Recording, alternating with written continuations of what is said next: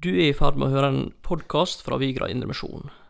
Hvis du kan tenke deg å gi en gave til Vigra Indremisjon, kan du gå inn på imfvigra.no, eller gi en gave på VIPS 107682 Vigra Indremisjon.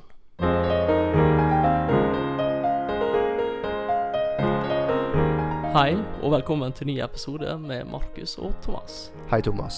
Hva er det oss har på saklista vår i dag? Du, Markus, i dag skal vi snakke om overkjøring. Og skal snakke om sommerfugllarveslush. Og skal snakke om vassekte herlighetsteologi. Jeg er ganske sikker på at det er ikke mange som har tatt fram dette fra de første to versene i kapittel 12 i Romerbrevet. Ja, har du sovet godt i natt, Markus? Ja, um, jeg sov rimelig godt, får jeg si. Åh, heldig du. Jeg, jeg tror jeg knapt nok hadde blund på øyet. Uh, Det er sånn med disse her små ungene, veit du, så uh, Ja, de, de, de, de bestemmer litt over deg på akkurat dette. Det kan jo bli en veldig underholdende episode, dette her, da. Ja, dere får være tålmodige med meg hvis jeg begynner å uh, fable for mye. Det er i hvert fall uh, godt utgangspunkt her. Ja, Så er det iallfall kommet til det spennende avsnitt, da. Du, det er jo også, Nå skal vi inn i eh, kapittel 12, de første versene der. Og eh, her kommer utfordringer på rekke og rad, Markus. Det gjør det, og, og eh, det, det er ingen som slipper unna heller. Nei, dette her er eh,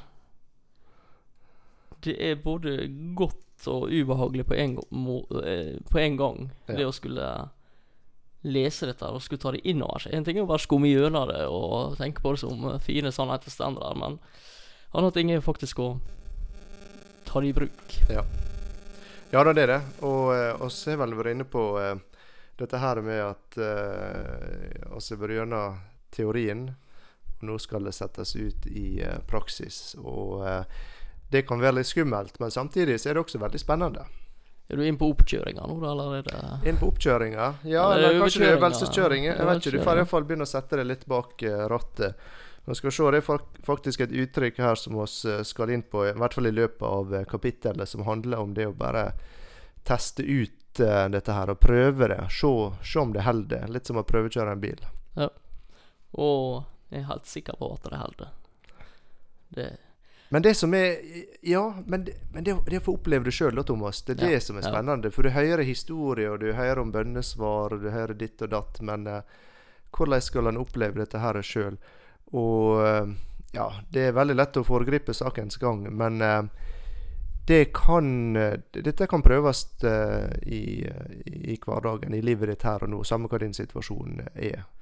Og så tror jeg det er viktig å faktisk lytte til, se hva teksten sier, og ta det på alvor, ta det inn over seg. Hvis at du i det hele tatt skal ha sjanse til å prøve det. Ja, det, det, ja, så det begynner der. Og um, i, i vers 2 så snakker han allerede om eh, det med å fornye sinnet vårt. Og det handler om at vi skal tenke annerledes. Og hvis vi skal tenke annerledes, så må sinnet vårt eh, påvirkes. Eh, og det skjer gjennom Guds ord. Eh, det kan være gjennom å lytte til podkast som dette her, eller tale, bibelgruppe, eh, lese Bibelen sjøl. Og det vil påvirke og forvandle tankene våre. Og tankene de påvirker handlinger og ord. Altså når sinnet blir fornya, da blir det spennende. Jeg lurer på, skal vi bare lese de to første versene her sånn innledningsvis, eller? Ja, jeg tror vi begynner med de to første, Thomas. Og så får vi bare se hvor langt vi kommer i dag. Ja, her kan det mye uh, fram og tilbake, så det kan være greit. Eh, jeg formaner dere altså, brødre, ved Guds miskunn, at dere fremstiller deres legemer som et levende og hellig offer til Guds behag. Dette er deres åndelige gudstjeneste. Og skikk dere ikke lik denne verden, men bli forvandlet ved at deres sinns, sinn fornyes, så dere kan dømme om hva som er, Gud, er Guds vilje, det gode, det som han har behag i, det fullkomne. Ja, Paulus han begynner litt sånn uh, Han er litt streng i stemma. Eller streng Jo, altså han bruker iallfall et ganske sterkt uttrykk til å begynne med. Ja, altså det er ikke sånn Ja, jeg vil um, uh, Jeg vil eh, hinte frampå, heller. Det er ikke heller noe sånn eh, ja, Anbefale Jeg kan anbefale dere å vurdere, kanskje. Nei da, her er det Jeg formaner dere. ja. Og hva er å formane? Hva er å formane? Altså, I eh, en del sammenhenger så blir det også oversatt eh, faktisk oppmuntre. da. Formaningens sønn. Eh, på engelsk the, the Son of Encouragement. Ja. Eh, men eh, det, ligger, det ligger veldig sterkt ønske bak det.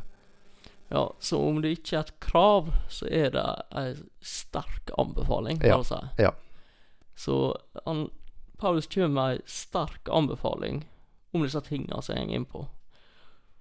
Og altså Det her handler om å stille seg tilgjengelig for Gud. Stille Ja. seg tilgjengelig som rett og slett tjener for ham. La han få troende posisjon. Ja, det handler om det. Og uh, han bruker et veldig interessant uttrykk her. Han sier at vi skal uh, framstille kroppene våre, altså oss sjøl, uh, eh, som levende og hellige offer til Guds behag. Og et levende offer, det det så ikke han så mye av eh, i Det gamle testamentet, i hvert fall. Nei, altså, det var Jeg tenker det må være litt spesielt å, å høre eller lese dette her da, første gang. Altså, nå er det romerne eh, som får det. Folk som Paulus ikke kjenner dette og snakker om før. Men i den tida, og særlig blant de jødiske, så var det det som var forbundet med offer. Det var noe at noe måtte dø. Ja, de fleste ofrene var ganske daude, for å si det sånn. Så du, du på en måte du kom og la fram ei gave for Gud, og der var det blod som skulle utøses. Og, og på samme måten var jo det med Jesus sitt offer. Der også var Ja. det blod og død involvert. Ja, det var det. Og det, var, det er noen som har sagt det at eneste grunnen til at oss kan være levende offer, er at eh, Jesus han døde som vårt eh, offer. Så her er det plutselig offer offer oss gir.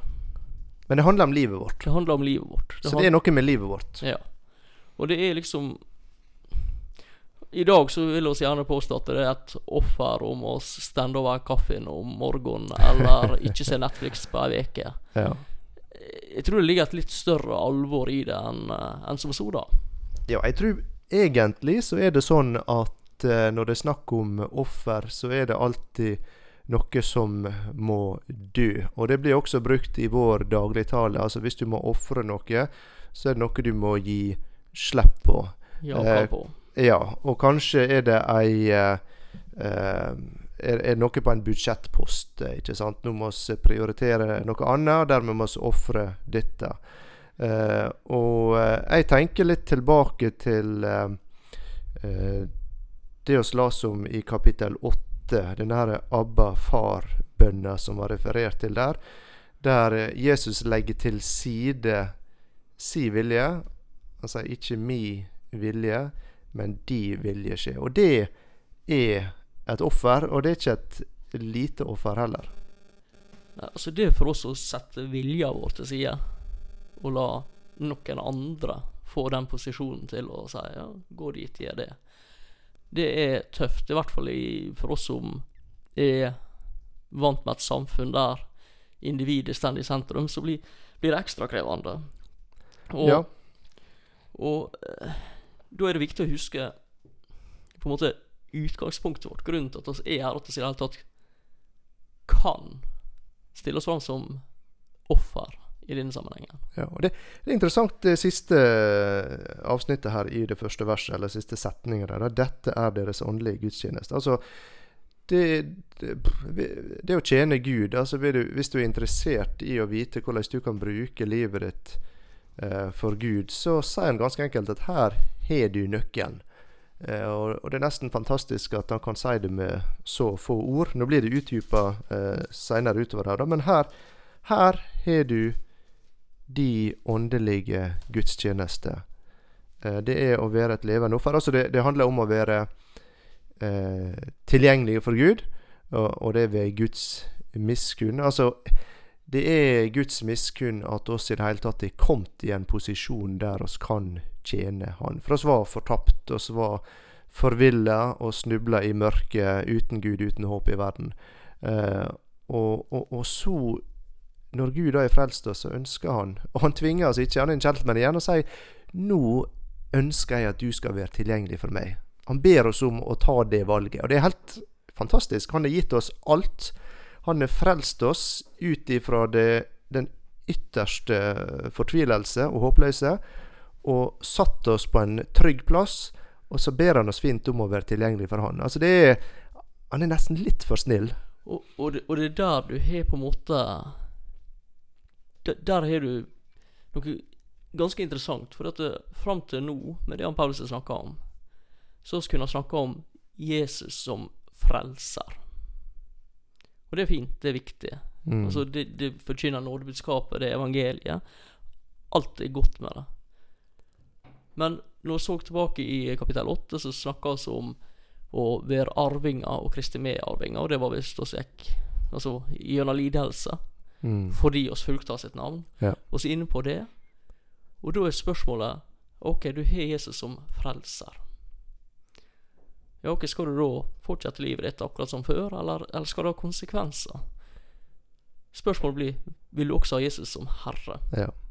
Og der har du et valg. Der har Du et valg. Du kan velge han som herre, du kan velge å skal si, bære han som frelser. Og herre, det er Det er en tittel der det er en, eh, en, en, en posisjon som du underordner deg.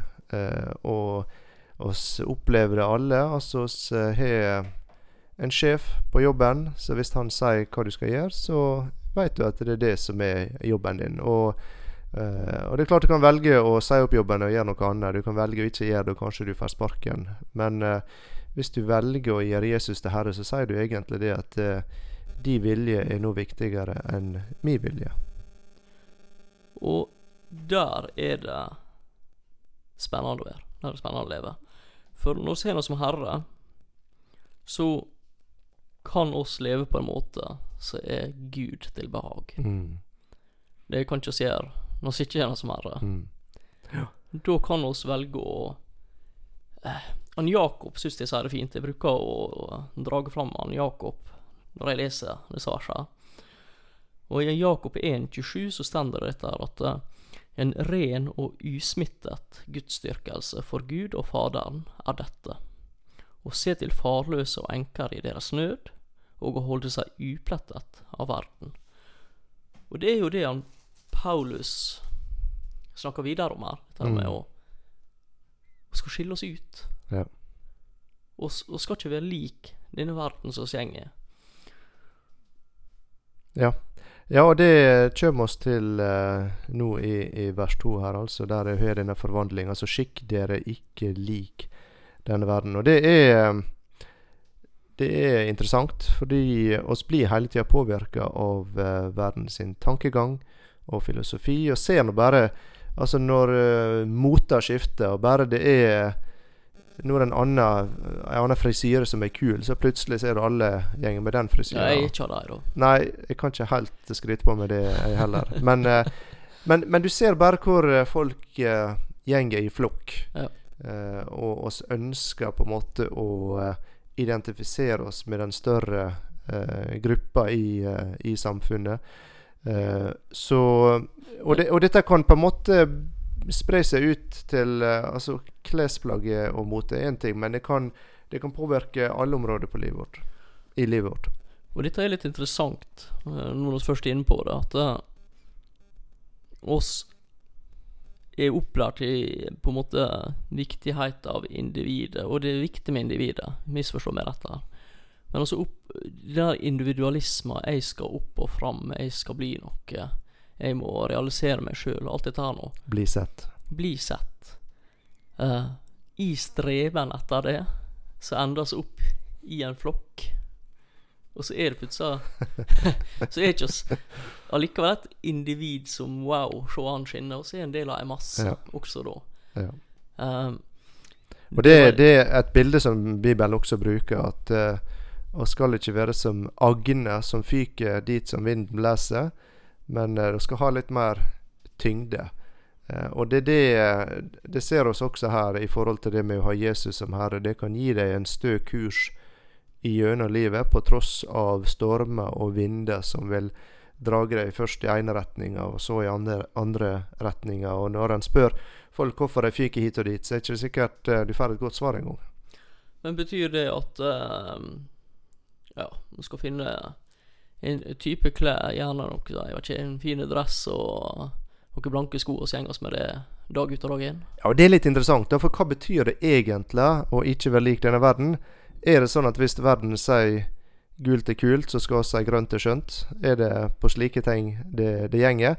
Eh, at du eh, Du må bare skille deg ut på en eller annen måte. Hvis det er kult med kort hår, så er du langt hår, osv. Er det det det går på? Det blir rake motsetninger. eller? Jeg Ja. tror det er veldig, veldig, veldig lite med det å gjøre, Markus. Ja, for jeg, jeg tenkte litt på det. Når Jesus kom ned til jorda, så uh, kom han i, men, i, i menneskers lignelse, er vel uttrykket som er brukt. Mm. Uh, og Gud sjøl, når han kom ned og inn i verden, så gikk han veldig langt i å tilpasse seg verden. Altså, han var så lik ytre sett eh, verden at eh, folk hadde vanskelig for å De fleste trodde ikke at han var Gud. Altså, han åt den samme maten, han gikk med de samme klærne. Eh, han snakka på samme eh, måten, bortsett fra at han ikke baksnakka og laug og slike ting. Da klart han var eh, han var annerledes, men ytre sett, klesstil og sånne ting, så er det ingenting som tyder på at han skilte seg ut. Det var kanskje også derfor de religiøse på den tida fikk så mye imot ham. Ja. For han, han skilte ikke seg ut, og så sa han at han, var Guds sønn, og så og så har du det gående, og klart Hadde det kommet en kar til oss i morgen og sagt at 'Hei, Jesus, dette er mitt andre komme', Ja. så hadde ikke oss nødvendigvis hoppa på den med det første. Det er vel folk som har gjort. ja. ja da. Og det, så, så jeg tror det Før han på en måte snakker om hva det vil si å ikke skikke seg lik verden, så tror jeg det er viktig å avklare litt hva det ikke betyr også. For Paulus han følger egentlig Jesus i hans sine fotspor der, han også. Det står at han er som en jøde for jødene, som en som er under loven for de under loven. Som en uten lov for de lovløse, svak for de svake, for dem alle har jeg blitt alt. Altså Han tilpasser seg veldig den situasjonen han var i, ikke på en hyklersk måte, men for å møte dem eh, der de var. Han visste det at evangeliet det handler ikke om at jeg må være kledd på en viss måte, eller jeg måtte bruke visse fromme ord. Det handler om noe helt annet. Det ytre, der står oss fritt eh, til å tilpasse oss innenfor visse Altså det sømmelige, for å si det sånn, da. Og det, der, der er det vel kanskje interessant å begynne å snakke litt om dette her med sinnet og kjødet og Ja. Fordi at eh, det er jo sinnet vårt skal forandres. Det er det. Det er der det begynner. Det er det. Og så uh, Tankene. får det prege Altså, det, det får prege oss helt og fullt. Og det får gå i hjertet vårt. Det kommer ut av tunga vår, og kroppen vår blir mer og mer. Ja. Så Så, så Ja, for i, i forhold til det med det ytre og indre, så får vi også beskjed om at uh, vår strid det er ikke, den er ikke kjødelig, våre våpen er ikke kjødelige. Og uh, Jesus sa sjøl at 'mitt rike er ikke av denne verden'. altså det han, han kjempa ikke noen politisk kamp. Det var ikke ytre påvirkning eh, og, og endring han, han forsøkte å, å eh, komme med. Eh, så det er nok Og han sier det sjøl, da, selvfølgelig, her i kapittel 12, at det er sinnet som skal forvandles. Og det, det må vi også snakke litt om. For hva, hva betyr det? Eh, hva er et forvandla sinn? Et, eh, hva, hva er, altså, kan du se på ordet som er brukt der, 'forvandle'. Det er et eh, ganske sterkt uttrykk. Ja, det er jo noe som er gjort om til noe helt annet enn det da. Ja. Og det er jo eh, Altså vi er jo eh, Jeg vet ikke hva slags du er på det, da. Når jeg var liten, så ble jeg veldig fascinert over tryllekunstnere og, og sånt noe. Og det blir jeg til dels i dag med. Eh, noen av de mest fascinerende tryllekunstnerne jeg vet om, de blir kanskje ikke kalt tryllekunstnere, men det er de som tar Jeg så en video her om dagen. tar en gammel motor som jeg hadde kasta på bosset for lenge siden, for han gikk ikke rundt engang. Og plukker den fra hverandre og setter den sammen. Og ikke bare det, men gjennom bedre enn det han var i utgangspunktet. Forvandla fra boss til bedre enn utgangspunktet sitt. Jeg liker også den her eh, åme til sommerfugl. Ja. illustrasjon. Men det er Ja, det er, det er, det er ei sterk og stor forandring som ikke går på det ytre, men som går på det indre. Også, også, altså, det vil si at vi skal tenke eh, annerledes. Og, og, og, og, det er ikke bare det at vi skal gjøre det, men det er spennende også, for det er mulig. Det er mulig med ei forandring. Eh, og eh, det handler også om å bli mer lik eh, Kristus, så det handler om ei pågående eh, forvandling. Noen oversettelser er sånn at vi blir alle forvandla etter det samme bildet. Eh, det er fra 2. Korinterbrev eh, 3.17. Altså, det er ei, det ei eh, pågående forvandling. For det er ikke sånn at eh, du setter deg ned og bestemmer deg for at eh, nå skal jeg bli forvandla, og så skjer det. det. det. er en gradvis eh, prosess, og det var vi inne på tidligere i Romerbrevet også. At det skjer gradvis, men det er mulig. Og det kan bli veldig dramatiske, drastiske endringer i måten å tenke på. Få ta denne sommerfuglen som du var inne på. Ja. Uh, altså, sommerfugl begynner jo som en larve. Så går rundt og spiser en blad og ser ganske stakkarslig ut. Inn i ei puppe. Syr seg en fin silkesekk. Inni der så blir kroppen helt brøtende. ned. Uh, jeg hørte Nå kan jeg veldig litt om sånt, dere, men jeg hørte en uh, Hørte en uh, Er det biologer som er med sånt å gjøre? Ja, det vil jeg tro. Ja. Som sagt, jeg sover lite i natt. jeg, hørte, jeg hørte en biolog som tok dette som et eksempel. Sånn, er dere, og jeg vet ikke om det er sant. Er dere klar over hvor drastisk dette faktisk er? Mm -hmm. Larven gjenger fra å være et levende individ som dør blir helt brøt i stykker. Det blir vel nesten som ei suppe inni der. Blir som ei suppe, og så vokser det fram til å være samme byggesteinene med et helt annet individ. Det er helt fantastisk. Det er forvandling, det. Det er det. Det er det. Så det, det Og det, det, det hentyder Eller viser, viser at det er mulig med store forandringer. Så oss skal tenke annerledes enn verden. Og da, da, da, skal det påvirke spørsmål, sånn som eh, Ja, hvorfor lever du som du gjør? Eh, hvorfor eh, legger du de planene som du gjør, kanskje for neste sommer? Prioriteringer det er veldig viktig. Mm. Og så går egentlig rundt med litt sånne pyramider, eh, der det alltid er noe på toppen som er det viktigste. Og eh, og så har jeg vel vært inne på israelsfolket, hvis jeg ikke husker feil. Der eh, det som var på toppen eh, i deres pyramide, kunne endre seg ganske kjapt. Og så er ikke mye bedre sjøl heller. Så det handler om en er, er, disse prioriteringene Er svarene på disse spørsmålene i henhold til en ny måte å tenke på? Eller er det i henhold til verdens tenkemåte? Altså Da vil det falle inn i et mønster som er veldig gjenkjennelig. Sånn er, sånn er verden. Sånn, sånn er det folk flest gjør det. Gud har jo en fin tendens til å snu ting litt på hodet, da. Ja. Han har det. Ja. Og innenfor mitt fagfelt så uh, jeg har operert mye med dette her med Marslovs behovspyramide, så trenger ikke å gå inn på den. De lytterne som har hørt om det, har hørt om det. Men det er i hvert fall toppen av alt er sjørealisering. Ja. det, det, det er krem de krem, altså. Ja. Ja. Slik er ikke det Nei. her.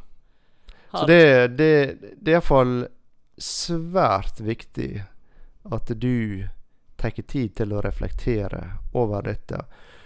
For denne fornyelsen kan føre til noe veldig spennende, som man ser i vers 2. Eh, og du leste uh, Så dere kan dømme om Ja, hva, hva? Hva er det skal dømme om, Thomas? Om hva som hva er, er Guds vilje. Ja. Det gode det som han er behag i, det fullkomne. Og jeg var inne på dette her med prøvekjøring av bil, og ordet 'dømme' her, det er faktisk et ord eh, som eh, de som studerer gresk, eh, har sagt eh, betyr, eller er kobla sammen med det å prøve, det å bevise, eller det å oppleve. Det er brukt i Lukas 14, 19, der det er snakk om eh, en som sier 'Jeg har kjøpt fem par okser og går for å prøve dem'. Altså Han skulle teste dem. Han skulle se hva de var gode for, disse oksene. Uh, og han hadde egentlig en forventning om at dette ville bli veldig bra. Det er som du gleder deg til å prøvekjøre en ny bil. Du vet dette her det blir bra, men du vil oppleve du vil kjenne det på kroppen. Og det Et, et forvandla sinn, det gjør deg i stand til å få denne samme opplevelsen av å prøve, kjenne, oppleve i hverdagen hva er Guds vilje. Og Guds vilje, må nesten ta det, blir beskrevet som godt. Samme hva konsekvenser det får i livet ditt, så er det godt. Den, eh, eh, det står at den er til Guds behag, eller det som Gud er behag i. Og det er et ord som eh, er knytta til glede. Altså det bringer Gud glede, og det bringer oss glede. Altså det er noe som vil bringe og føre til glede i ditt liv. Og så kan ikke det toppes. Det er fullkomment. Kan ikke bli bedre. Og da er det litt interessant, for han snakker om Tilbake til vers 1. Hellig offer. Ja. Hvis vi gir et offer, så er det på en måte å gi avkall på noe. Det er å miste noe. Frivillig, men allikevel.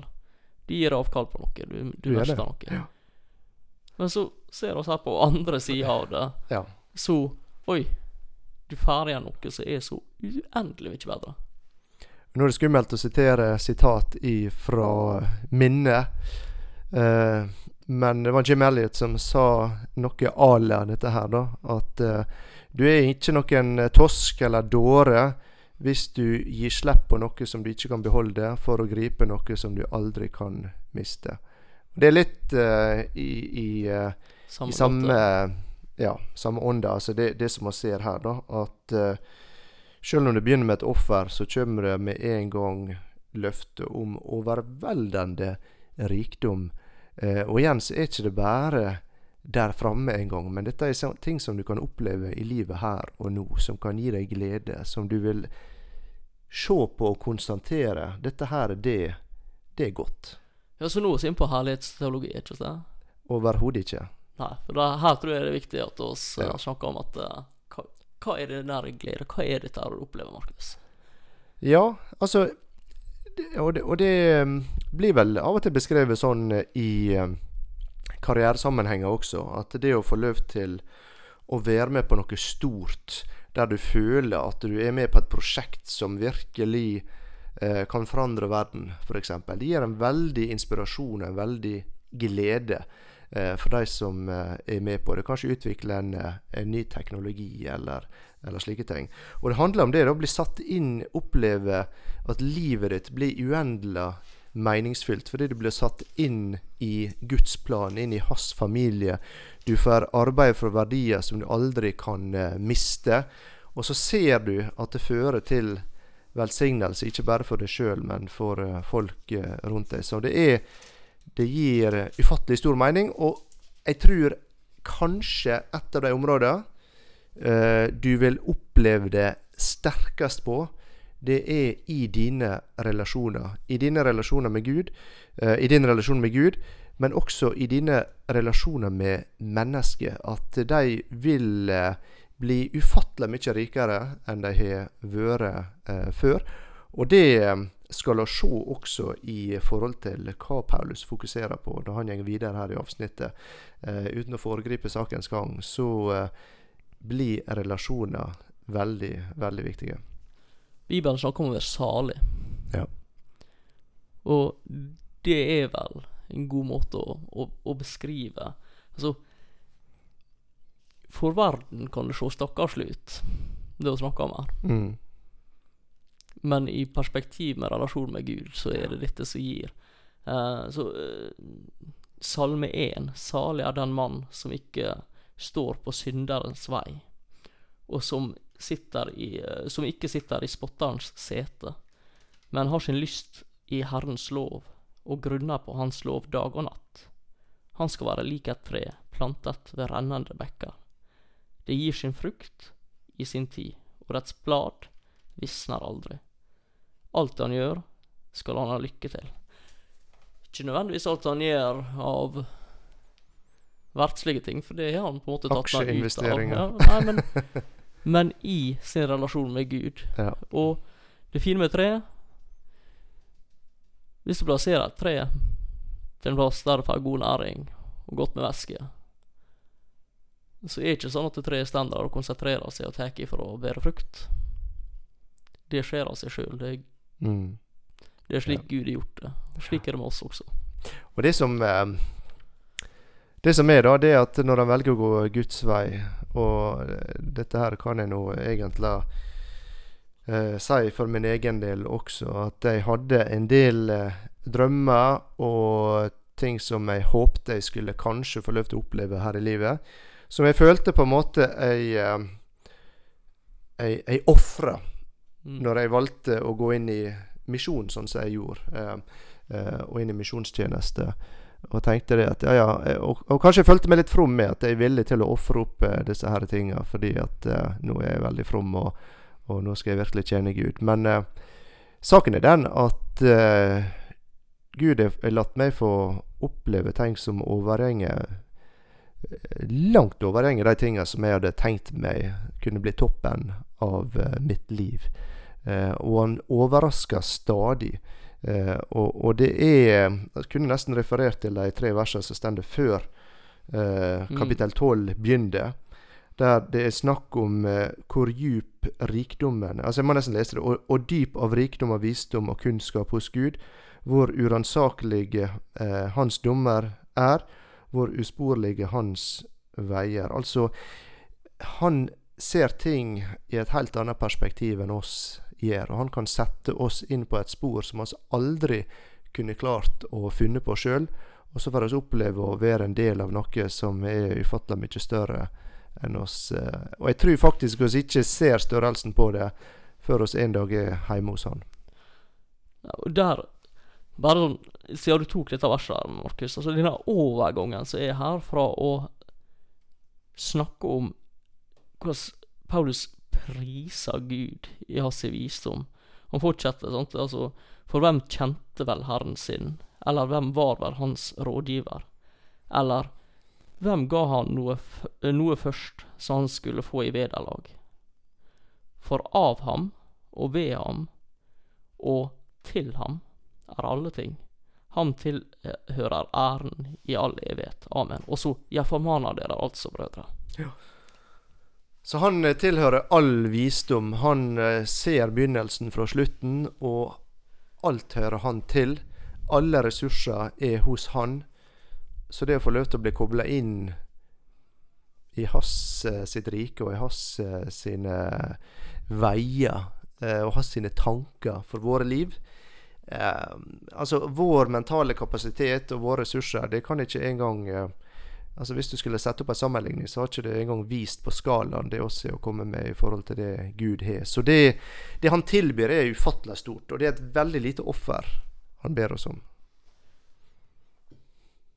Men det opplever stort. Og det er skummelt. Ja, det er fordi jeg har så lyst til å være konge i vårt eget liv. Så er det. Og det å slippe opp på det, slippe opp på kontrollen over ting, det å stige ned ifra trona, som for oss eh, virker veldig voldsom, det, det er ikke lett. Men eh, ydmykhet er noe som utløser et voldsomt potensial for at Gud kan løfte oss opp. Og det er, det er også en viktig tanke. Altså Gud han er kilde til alt godt. Alt godt. Eh, og den som eh, velger å ydmyke seg for Han, da Det er akkurat som en nøkkel. Da låser du opp en, en hel verden av muligheter og ressurser, og han ønsker å overøse oss eh, med det. Um, men så sier han også, og det skal og så har jeg egentlig allerede sett på det, da, at eh, en del av de skattene Paulus snakker vel om vår prøvede tro, Mm. som er mer verdifull enn lytra gull. Altså det handler om prøvelser. Det akselererer prosessen i forhold til vekst, modning og velsignelser. Så eh, prøvelsene er ikke vekk, og det er ikke snakk om eh, at eh, hvis du husker og ber, så får du toppkarakterer på alle prøver, og du får alle forfremmelser på jobben og i karriere, og du skal ha den beste bilen. og Det handler ikke om det i det hele tatt. Og Saken er den at uh, når du får et forvandla sinn, så blir disse tingene uviktige sammenligna. Altså disse verdiene blir så små sammenligna med de verdiene du får se eh, hos Gud. At det blir ikke det oss lengter etter, selv om oss av og til kan kjenne på det. Ja, så å se, å se kjødet Ja, med oss. det drar oss med oss. Så, og det vi har vært inne på tidligere, at det der er dragninger mot det. Og så eh, Jeg vil bare ha sagt det sånn Sånn at vi ikke bare sier det helt på slutten, eller glemmer å si det. Eh, så er det ikke sånn at hun sitter her og sier at ok, hvis du har den flotteste bilen og et stort hus og toppkarriere, så er du feira som kristen. Det er ikke Nei. det å si. Nei. For alt dette kan du få, og dette snakker Bibelen mye Ja, om. ja. Men det det handler om, er hva har fokuset i livet ditt? Hva er er det som er på toppen? Ja, Er det du ja. sjøl og det du jager etter, eller er det Gud som sitter der, og så får du nyte det og være under hans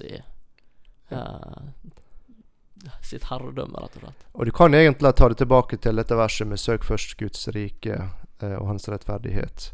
Altså Det handler om Det er noe som du skal strekke deg etter, noe som er et ideal.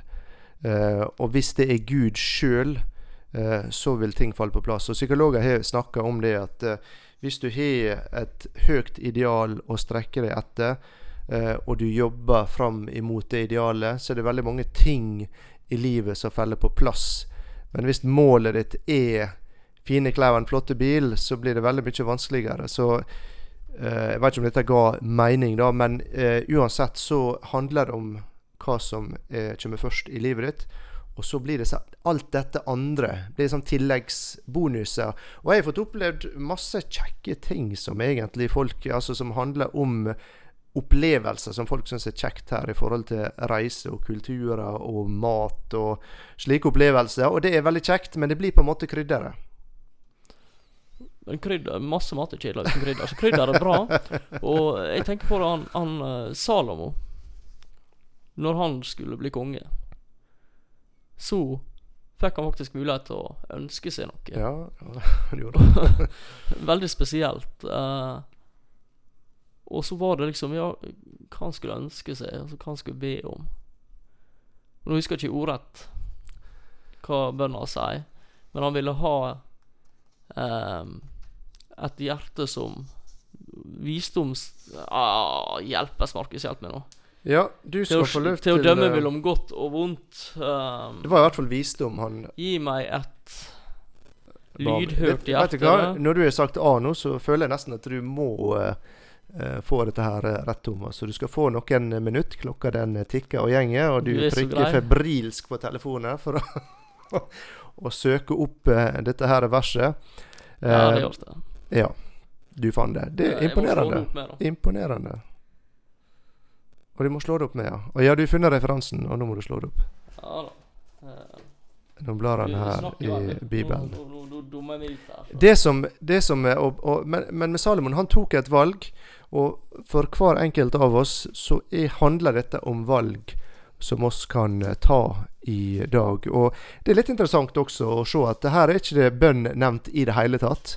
Eh, for eh, dette her er ikke snakk om ting vi skal be om. Dette er ting som vi skal velge. Dette er noe jeg ønsker. Jeg ønsker en forandring i mitt sinn. Jeg ønsker å tenke annerledes, og det er en forandring som skjer gjennom Guds ord. Og så ligger der også et ønske om å få oppleve og kjenne hva Hvordan er det når Guds vilje får slippe til i mitt liv? For den følelsen av å sette seg i en bil og prøvekjøre, hvordan er dette her? Så, så blir det ikke noe du bare leser om eh, eller hører andre folk vitne om, men noe som du opplever i ditt eget liv. Altså husk Guds vilje, som er god, som bringer glede, og som er fullkommen. Dette Tenk bare den tanken på at noe fullkomment kan skje i ditt liv. Noe som eh, ikke kan toppes. det, det burde være egentlig nok eh, insentiv eh, der til at dette er noe som vi eh, strekker oss etter. Men nå tror jeg han Thomas har funnet verset, et sitat. Hva var det kong Salomon den vis, Han var ikke vis enda, men han, han som ble så vis. enda. Hva, hva, hva var det han ba om? Han fikk Altså, han, han fikk egentlig en sjekk så, som var blank. Nå Ja. bruker jeg ikke å sjekke her, men han kunne, han kunne be om det han ville. Det står i første kongebok tre, dette her nå. Um, og det er jo helt flaut å ikke ha kommet på det i farta, men skylder på lite søvn, jeg, Markus. Uh, det er han Gibeon som kommer til til ham, og så uh, sa han be om det du vil, jeg skal gi deg. Og så kommer Salomon med et svar, og der er Han sier ganske mye der, men vi skal gå til kjernen av saken. Så gi da din tjener et lydhørt hjerte til å dømme ditt folk, til å skille mellom godt og ondt. For hvem kunne ellers dømme dette, ditt folk som er så tallrikt?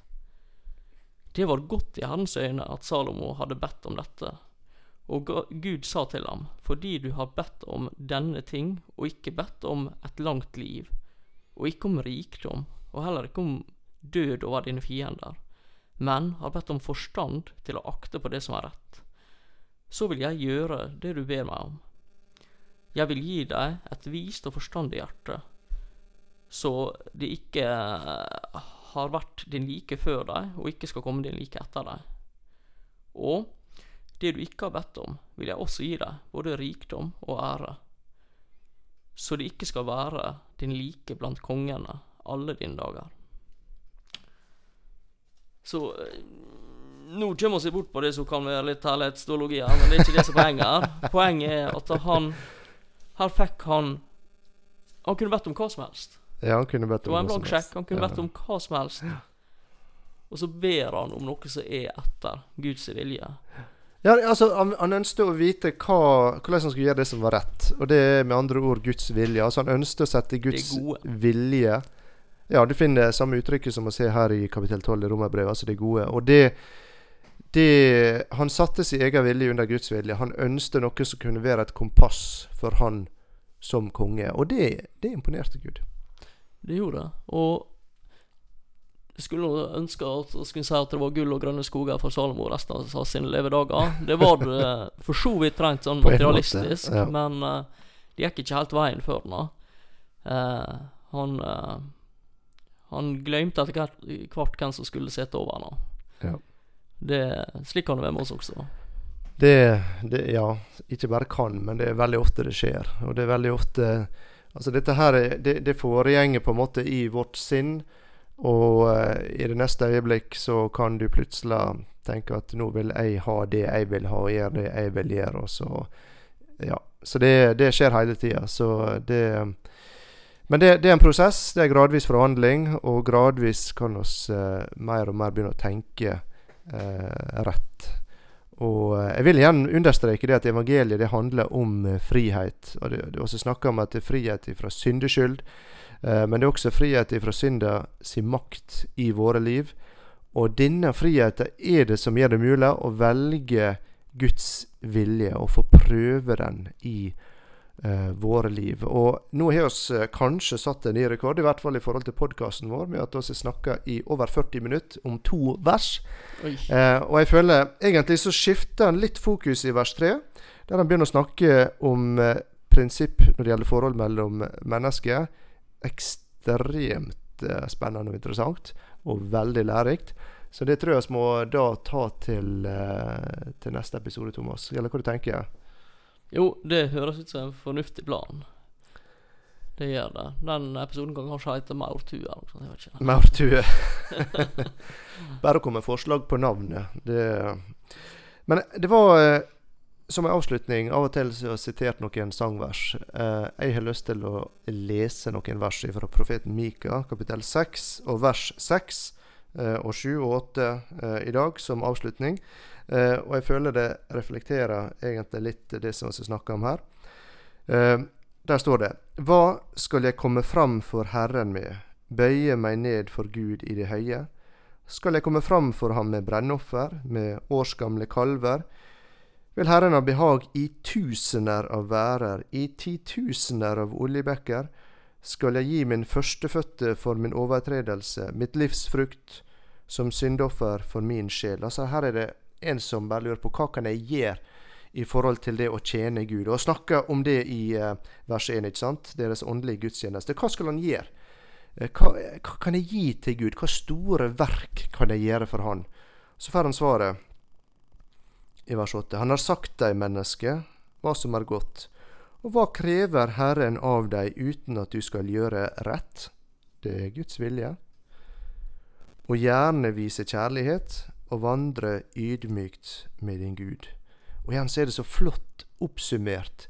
Hva er det Gud ser etter? Han ser ikke etter store, flotte, fromme verk som oss gjør, men det handler om en som vil ydmyke seg for Han, en som vil vise kjærlighet til de rundt seg, og som vil gjøre rett. Altså følge Guds gode, fullkomne, gledesbringende vilje. Det er en fin avslutning. Da tenker jeg å sette strek der, og takke igjen til alle dere som uh, følger oss uh, gjennom dette her. Og så kom til kapittel 12, og det er spennende stoff videre framover. Ja, det minker på kapittel, men vi skal klare å bruke god tid her ennå. Så det Med tempo å se nå, så Ja, men takk som lytter. Fint om du deler. Kom gjerne med tilbakemeldinger. Så hører jeg gjerne fra deg. Yes, takk for i dag.